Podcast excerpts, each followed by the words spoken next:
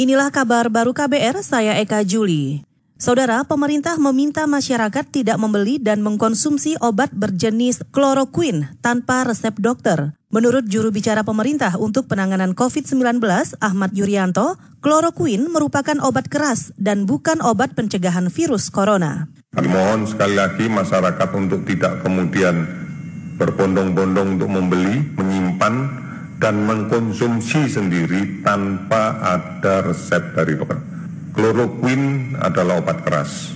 Oleh karena itu, penggunanya sudah barang tentu harus atas resep dokter. Juru bicara pemerintah untuk penanganan COVID-19 Ahmad Yuryanto juga menegaskan pengguna atau konsumsi kloroquine hanya dilakukan pada pasien dalam perawatan di rumah sakit karena itu sangat berbahaya bila masyarakat mengonsumsi tanpa anjuran dokter.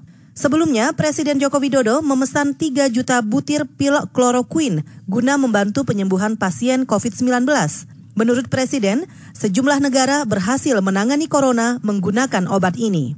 Saudara Kementerian Koperasi dan UKM menerima lebih dari 500 aduan kerugian usaha akibat pandemi COVID-19 hanya dalam satu pekan. Juru bicara Kementerian Koperasi dan UKM Syahrul mengungkapkan jumlah rinci UMKM yang terdampak masih dalam pendataan lagi pendataan lewat call center. Jadi nanti pimpinan yang ini apa ambil kebijakan. Udah 500 lebih yang mengadu melewat call center sama WA center Pak Menteri Koperasi kan membuka itu apa permasalahannya. Yang pertama ada yang penurunan penjualan, ya kan? Terus ada juga bahan baku, permintaan, ya kan, pendistribusian, susah uh, pendistribusian. Ada lima kan nggak salah yang kita lihat dari setiap pengaduan-pengaduan itu. Juru bicara Kemenkop dan UKM Syahrul juga menambahkan, pelaku usaha terimbas imbauan jaga jarak sosial untuk mencegah penyebaran COVID-19.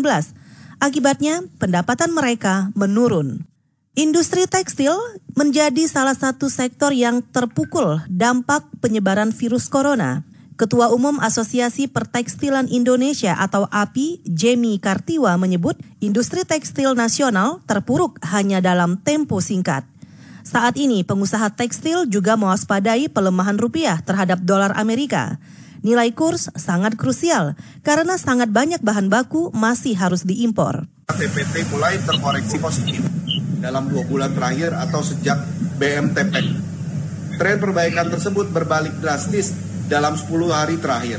Permintaan menurun dengan sangat tajam, bahkan sejumlah komitmen permintaan berjalan ditunda bahkan dibatalkan. Fenomena yang terjadi serentak dan dalam skala besar ini akan memberi dampak yang tidak mengembirakan terhadap utilisasi industri secara ekstrim dan secara simultan akan berdampak pada produktivitas dan siklus ekonomi TPT. Ketua Umum Asosiasi Pertekstilan Indonesia, Jamie Kartiwa juga menambahkan, Daya serap produksi tekstil dalam negeri juga semakin anjlok. Itu ditandai dengan tutupnya pasar tekstil Tanah Abang di Blok A. Jamie berharap pemerintah memberi insentif seperti keringanan biaya listrik demi menghindari pengusaha tekstil yang semakin merugi dan mem-PHK karyawannya. Saudara Kementerian Pendidikan dan Komisi Pendidikan DPR memutuskan meniadakan ujian nasional untuk SMP dan SMA pada 30 Maret dan April mendatang. Dikutip dari Antara, Ketua Komisi Pendidikan Dewan Perwakilan Rakyat DPR Syaiful Huda mengatakan, keputusan ini diambil untuk melindungi siswa dari resiko terpapar COVID-19. Saiful Huda juga menambahkan, saat ini Kemendikbud mengkaji opsi pelaksanaan ujian sekolah berstandar nasional sebagai pengganti ujian nasional. Namun, opsi tersebut hanya akan diambil jika pihak sekolah mampu menyelenggarakan USBN atau ujian sekolah berstandar nasional secara daring. Jika USBN via daring tidak bisa dilakukan, maka opsi terakhir menggunakan nilai kumulatif siswa selama belajar di sekolah sebagai metode kelulusan. Saudara, demikian kabar baru. Saya Eka Juli.